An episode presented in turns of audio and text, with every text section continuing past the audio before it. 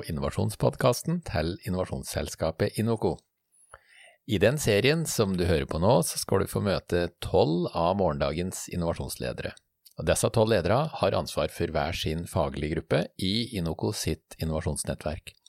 Og det nettverket er, eh, i øyeblikket, så består det av 168 innovatører, og vi har lagt ut på ei spennende reise i 2021. Og i dag så har vi med oss lederen for Innsiktsgruppa, og hun heter Marit Holm Thorseth og jobber i Brønnøysundregistrene. Velkommen, Marit. Takk for det. Hyggelig, hei, hei. hyggelig å ha deg her i studio. Du, eh, det første jeg har lyst til å begynne å, å pirke borti, det er eh, hvor kommer du fra? Hvor ble du født, vokste opp, gikk dine barn, tråkka dine barnesko, heter det vel? Eh, jo, jeg, eh, jeg kommer fra Hamar. Jeg ble født faktisk på Kongsvinger. Men eh, etter tre år der så eh, fikk jeg oppveksten min på Hamar. Og så flytta jeg ganske raskt til Oslo. Em, så sjøl om jeg har, eh, har bodd i Oslo på 15. av året nå eh, i år, så kommer du til å høre litt dialekt fra Hamar, tror jeg. Det er veldig godt å Um, høre. Det, ja, Særlig når jeg snakker med deg, Sjur. ja, som er Brumunddal. Ja. Så ja, Sånn.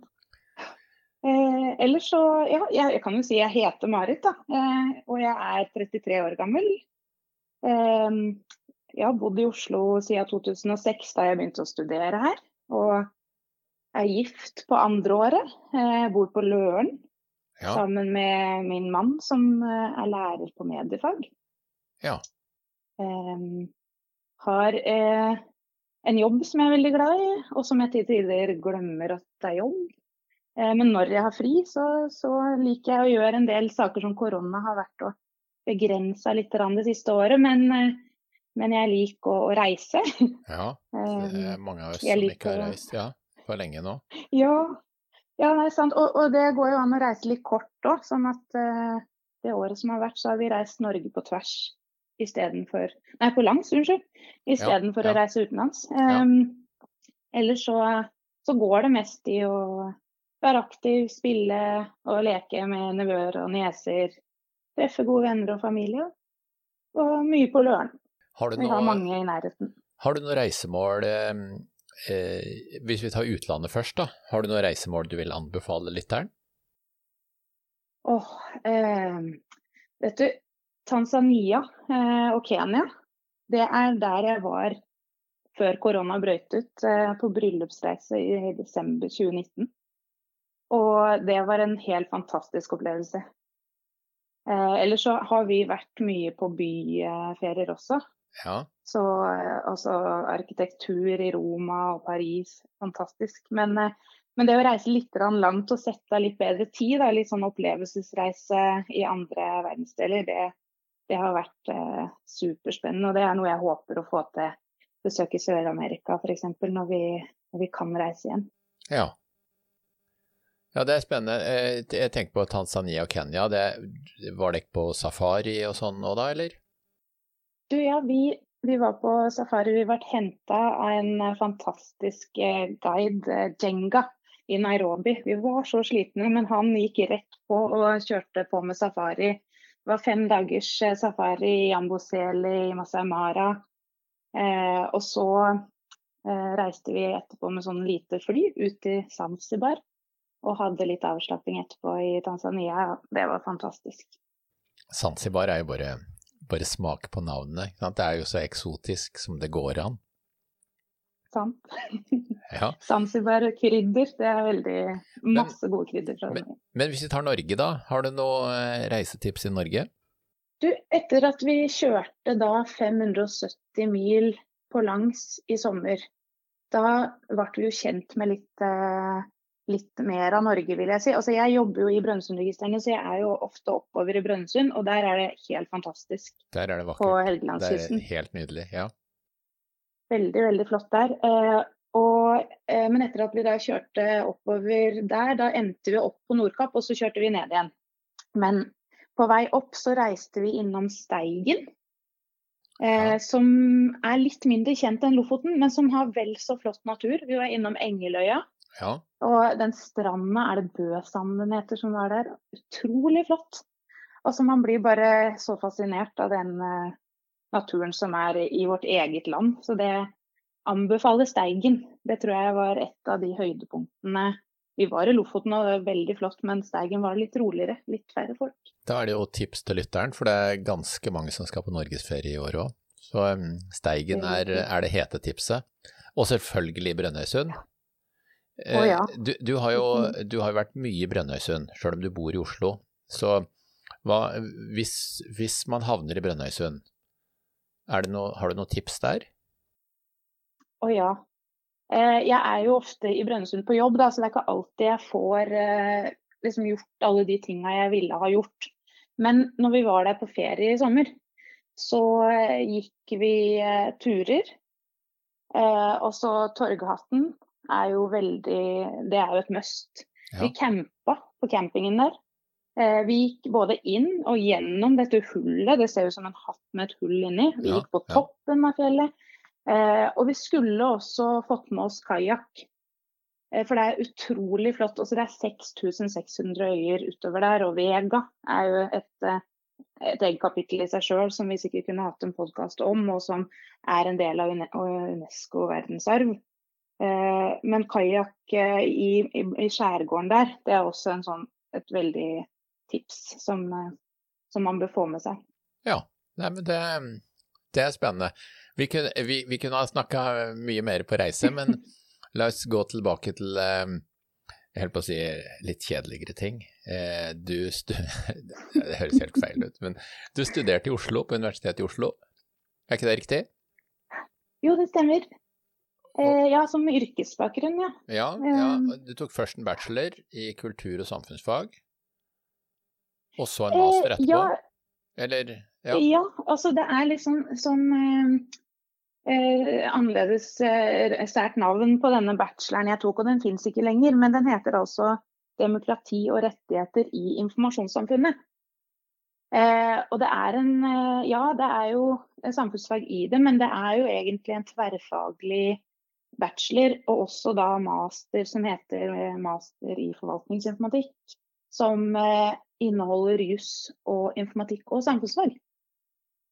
Så det er bakgrunnen min. Jeg tenker på demokrati og rettigheter i informasjonssamfunnet. Nå tenker jeg Facebook og Twitter og fake news og hele pakka. Var det sånne ting dere drev med òg, eller var det, var det, lenge før den tida? Eh, altså, eh, vi, det, eh, det, kom jo mens jeg studerte. Jeg husker jo Facebook kom, jeg tror jeg fikk meg bruker der i 2007. Men det vi i stor grad holdt på med da jeg starta i 2006, det var å, da, var, da var det studiet retta veldig mot eh, hvordan eh, jobbe i å forstå eh, jussen eh, i bruk sammen med teknologi. Eh, ikke så veldig knytta til sosiale medier, sjøl om det har blitt en, nok en stor del av det studiet i seinere tid. Med tanke på at eh, personvern er en stor bit av det studiet. Ja, ja nettopp. Så for Jon Bing var jo en av de som starta dette her, og han var jo veldig opptatt av personvern. Ja, du har, eh, sånn at, du har hatt eh, Jon Bing som foreleser? Det har jeg. Eh, ikke mye som foreleser, men mer som eh, hva skal man si, korridorkamerat og, og kontornabo. Jeg jobba nemlig litt på universitetet mens jeg studerte også, og Jon var jeg var på en måte hans forværelse, kan du si. Lucky eh, altså, det må jo være dritkult. altså, det var, det var, en utrolig artig tid. Altså, når han eh, kom eh, på kontoret om morgenen, ofte ikke sånn supertidlig heller, men da pleide vi noen ganger, og, og da hadde han fått nye, eh, nye plakater som han hadde ramma inn fra forskjellige konferanser som han hadde snakka på, eller fått tilsendt noe kunstverk. eller og da pleide han å, Vi pleide å gå rundt i, i, korridorene på skolen for å finne ut hvor vi skulle henge opp alle disse her. Det ble jo ganske mye etter hvert, for han var jo veldig mange steder. Og det var, det var jo rift om å få han til å komme og snakke, da, for han var en veldig sånn forutseende type som, som helt siden altså han begynte å skrive eh, science fiction, så ting som vi kanskje sitter og holder på med i dag. Så det, det var inspirerende. Ja, det, ja det, det, skjønner jeg virkelig. Altså, for å si det rett ut, sånn Fredrik Barth og Jon eh, Bing, det er, jo, eh, det er jo store helter. Eh, sånn faglig, faglige helter. Så nei, men det var ja. kult. Det, det, skal vi snakke mer om, Marit, men ikke nå. Men vi skal møtes ved senere anledninger, så da, da har jeg lyst til å høre mer om eh, om både forfatteren eh, Jon Bing og, og, juristen Jon Bing, og mennesket, liksom. Men eh, du har eh, Du har snubla borti innovasjon.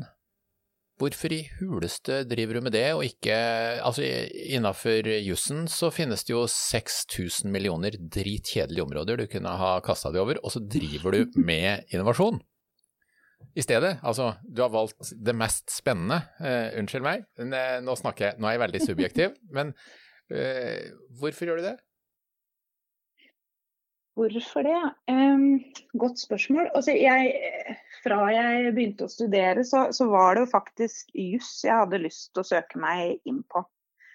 Uh, og så kom jeg ikke inn der, og det er jo egentlig veldig bra. Fordi at det miljøet på Senter for rettsinformatikk og AFIN var, er nok hakket mer innovativt, vil jeg kunne påstå, ja, enn det kanskje det tradisjonelle juridisk fakultet er. Nå, nå, nå ble jeg, ikke overraska. Hmm, lurer på hvorfor det.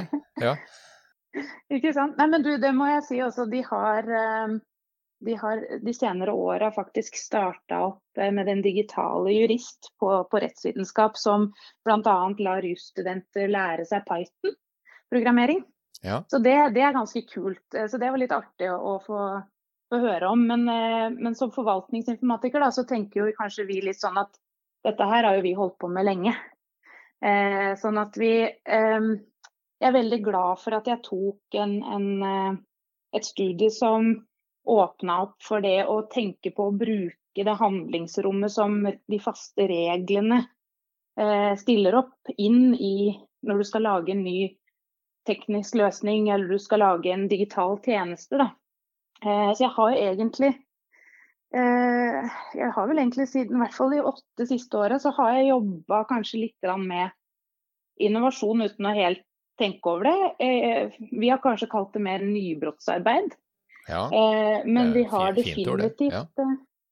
ja. ikke sant. Altså, vi har definitivt laget, vært med på å lage løsninger som som er eh, noe nytt og, og nyttig og nyttiggjort.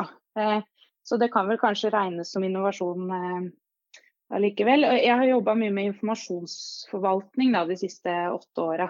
Ja. Og når jeg kom til, til Brønnøysundregistrene og det miljøet rundt informasjonsforvaltning og Altinn og felles datakatalog, så, så, kjente jeg veldig at jeg trivdes veldig godt med å jobbe på den måten som vi har gjort og som vi gjør, hvor det er sånn kort vei fra idé til handling, mye pukking, smidig og sånn fail fast tankegang. Um, og så har vi fått veldig mye tillit av ledelse og fagledelse til å finne gode måter sjøl å jobbe på. Og, um, nå har ikke jeg fortalt uh, Jeg tror ikke jeg nevnte det i stad, men, men uh, vi jobbet jo fram i sin tid uh, en datakatalog som vi bl.a. fikk en pris for ja. eh, i Brønnøysundregistrene. Og, og det, den datakatalogen, den skulle Den var noe nytt, kan du si. Eh, den skulle hjelpe de som skulle lage og bygge nye digitale tjenester, til å finne fram i det offentlige data.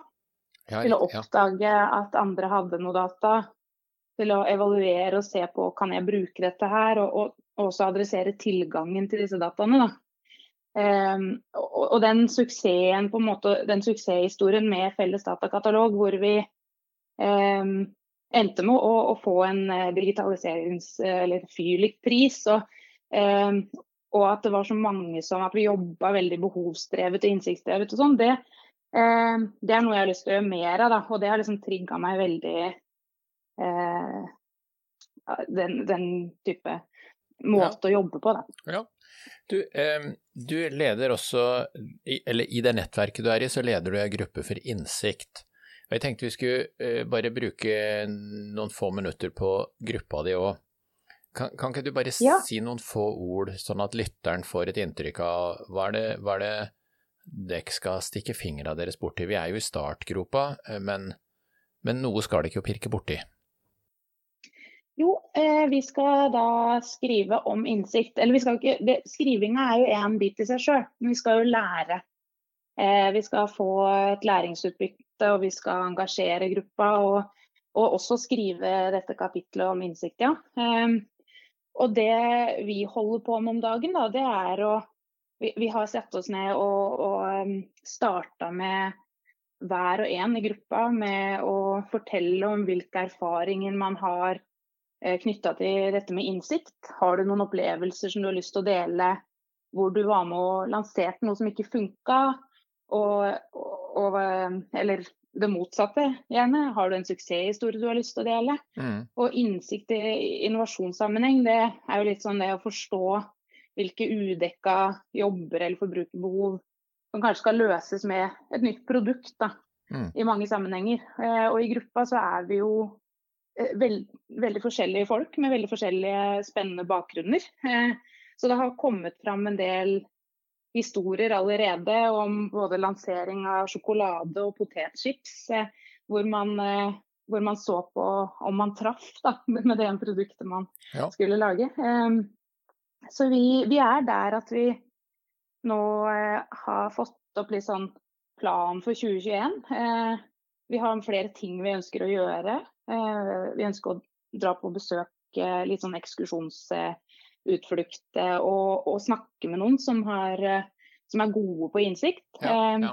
Det er litt vanskelig akkurat nå. Det meste skjer digitalt. ja.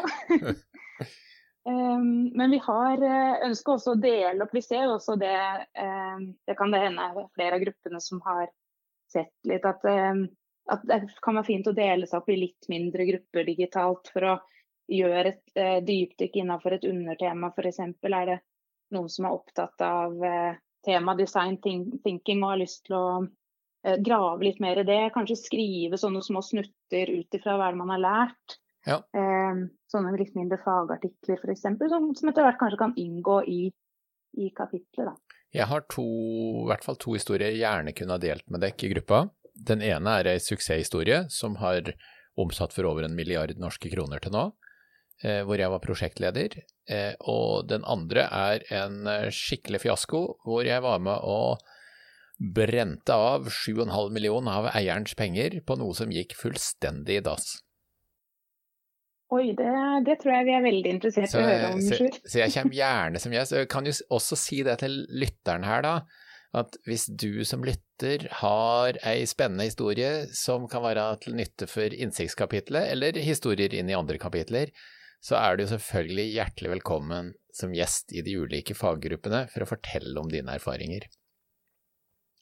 Så, Absolutt. Jeg skriver deg opp på lista her, eh, her ja, ja, jeg stiller gjerne Unnskyld, jeg stiller gjerne opp og forteller om det. Men du, eh, jeg tenker også på en annen ting. Nå, det, nå skal jo dere jobbe med innsikt, og innsikt er jo mye. Det er å forstå kunden, forbrukeren, hva det er, det kan være trender eh, osv. Men det er klart, bare å sitte på innsikt og ikke få gjort noe med det, er jo også eh, bortkasta. Eh, da blir det omtrent som en forsker som forsker på et eller annet og finner et svar, men ingen bruker det. Eh, og dette, dette, vet jeg. Jeg har sjøl en doktorgrad i turbulensmodellering med K-epsilon-modeller, som ingen har brukt. Brukt tre år av livet mitt på å lage noe som var bare ja, tull. Ja, det var jo ikke det, det var jo faglig sånn helt på høyde med det det skulle, men eh, det var ingen som brukte det. Eh, men vi har jo også en gruppe som heter Verdi. altså Det er jo, de, det er jo løsningsgruppa. så, så det, på mange måter så henger det ikke jo også sammen med at dere finner, finner, ut hva er det man trenger, og så er det verdigruppa, mm. de representerer jo løsningen. Og så har vi kreativitet imellom som et slags motor eller et slags verktøy som du bruker på å ta innsikt på ene sida over til løsning og verdi da på andre sida. Så, så, det blir litt spennende å se hvordan de ulike gruppene jobber sammen nå, eh, sånn framover, og drar nytte av hverandre. Eh, fordi hvis vi hadde tatt dekk og bare putta dekk i et syltetøyglass og skrudd på lokket og latt dekk leve isolert ned i den verden, i den bobla der, så, så ville det vært mm. bare waste of time, egentlig. For det, Det må jo bli til noe. Kommer ikke så langt alene, nei. Man kommer jo ofte lenger sammen. Ja, ja. Eh, men ja, nei, det er eh, absolutt noe vi må, må se til de andre også, som er eh, i omgivelsene våre. Og ikke bare oss sjøl, da. Og det håper jeg òg vi får til etter hvert, med å gjerne møtes fysisk etter hvert. ja. Men det, det kommer når det kommer. Ja, og vi har jo ledergruppa vår hvor vi skal møtes fysisk, for det, det er jo vi er tolv kapittelledere og meg som prosjektleder på hele prosjektet. Det er jo vi 13 som, som planlegger kursen videre og legger, legger planer. Så når du sa at dere har planlagt hele 2021, så, så på den ene sida av meg tenker fantastisk, og den andre sida tenker det blir helt sikkert endringer underveis som gjør at uh, ja. Ja. Så, vi, så vi får Det hørtes litt rigid ut. Vet, vi har, eh, vi har laga et skall. Eh, Ja. Fordi at det er litt det der med tight, loose, tight. Eh, ha noen overordnede liksom, Hit skal vi. Ja, og så ja. hvordan vi kommer dit, det, det må vi finne ut av. Ja. Men ja, så, så ikke helt klappa og klart og hugget i sten. Nei, nei, Absolutt ikke. nei, nei. Og det er så deilig å høre at du sier 'hugget i sten'. For det er det er det det er. For det, mange sier 'skrevet i sten' eller 'skrivd i sten'. Eh, ja. Og det er jo ikke fast. Da kan du bare skille det vekk. Hugget i sten, da er det lagt ned mye jobb, og det er nesten ikke mulig å endre det. Så det ordtaket der Nå er det forfatteren som snakker. Det ordtaket der er så misbrukt. Det er ikke skrevet i sten vi snakker om, det er hugget i sten. Men nok om det. det. Herlig. Har, eh, jeg hadde tenkt å spørre deg om en ting sånn helt på slutten. Eh, er det noe du har snubla over på din vei eh, i dine 33 år fra Hamar og fram til Brønnøysundregistrene i dag, som du har hatt stor nytte av, eller tips eller vink du vil gi til lytteren? Eh, ja, du, det har jeg faktisk tenkt litt på. Um, og det, det jeg endte opp med, med da, det, det må jo være at du må tørre å si ja oftere enn du sier nei. Eh, og grunnen til at jeg sier det, det er jeg sjøl så er jeg veldig ja-menneske. Eh, og opp igjennom så har det gitt meg veldig mange kule og spennende muligheter, og bl.a. det å få lov å være med og lede ei gruppe her. Eh, og så har jeg også fått lære at det er litt viktig å klare seg nei òg, da. Eh, men det jeg liker med ja, eh, det er det som kommer nå etter eh, podkasten er spilt inn nå, f.eks. Ja, Og det er at ofte da sier ja, så blir jeg litt sånn utafor komfortsonen. Eh, og så er jeg litt redd og litt sånn spent. Ja. Og så er det en super følelse å liksom kjenne på at det gikk bra likevel, og ja. ja. eh, litt mestring. Og, og sjøl om noe er nytt og ukjent, så sier man ja, så vokser man litt på det, da. Ja. Så det tror jeg er kanskje det rådet som jeg sjøl har hatt mye glede av. Tør å si ja. tør å si ja. Ja, men vi, vi lar det være siste ord fra deg, Marit, og så eh, takker vi for at du stilte opp i podkasten her. Og til deg som er. Jo, ta, og til deg som er lytter, tusen takk for at du hørte på oss. Vi er innovasjonspodkasten til innovasjonsselskapet Inoco. Med meg i studiet i dag så hadde jeg Marit Holm Thorseth fra Brønnøysundregistrene. Lydmannen vår var nå, som før, Peter Strøm, og jeg heter Sjur Dagestad. Velkommen tilbake til Innopod.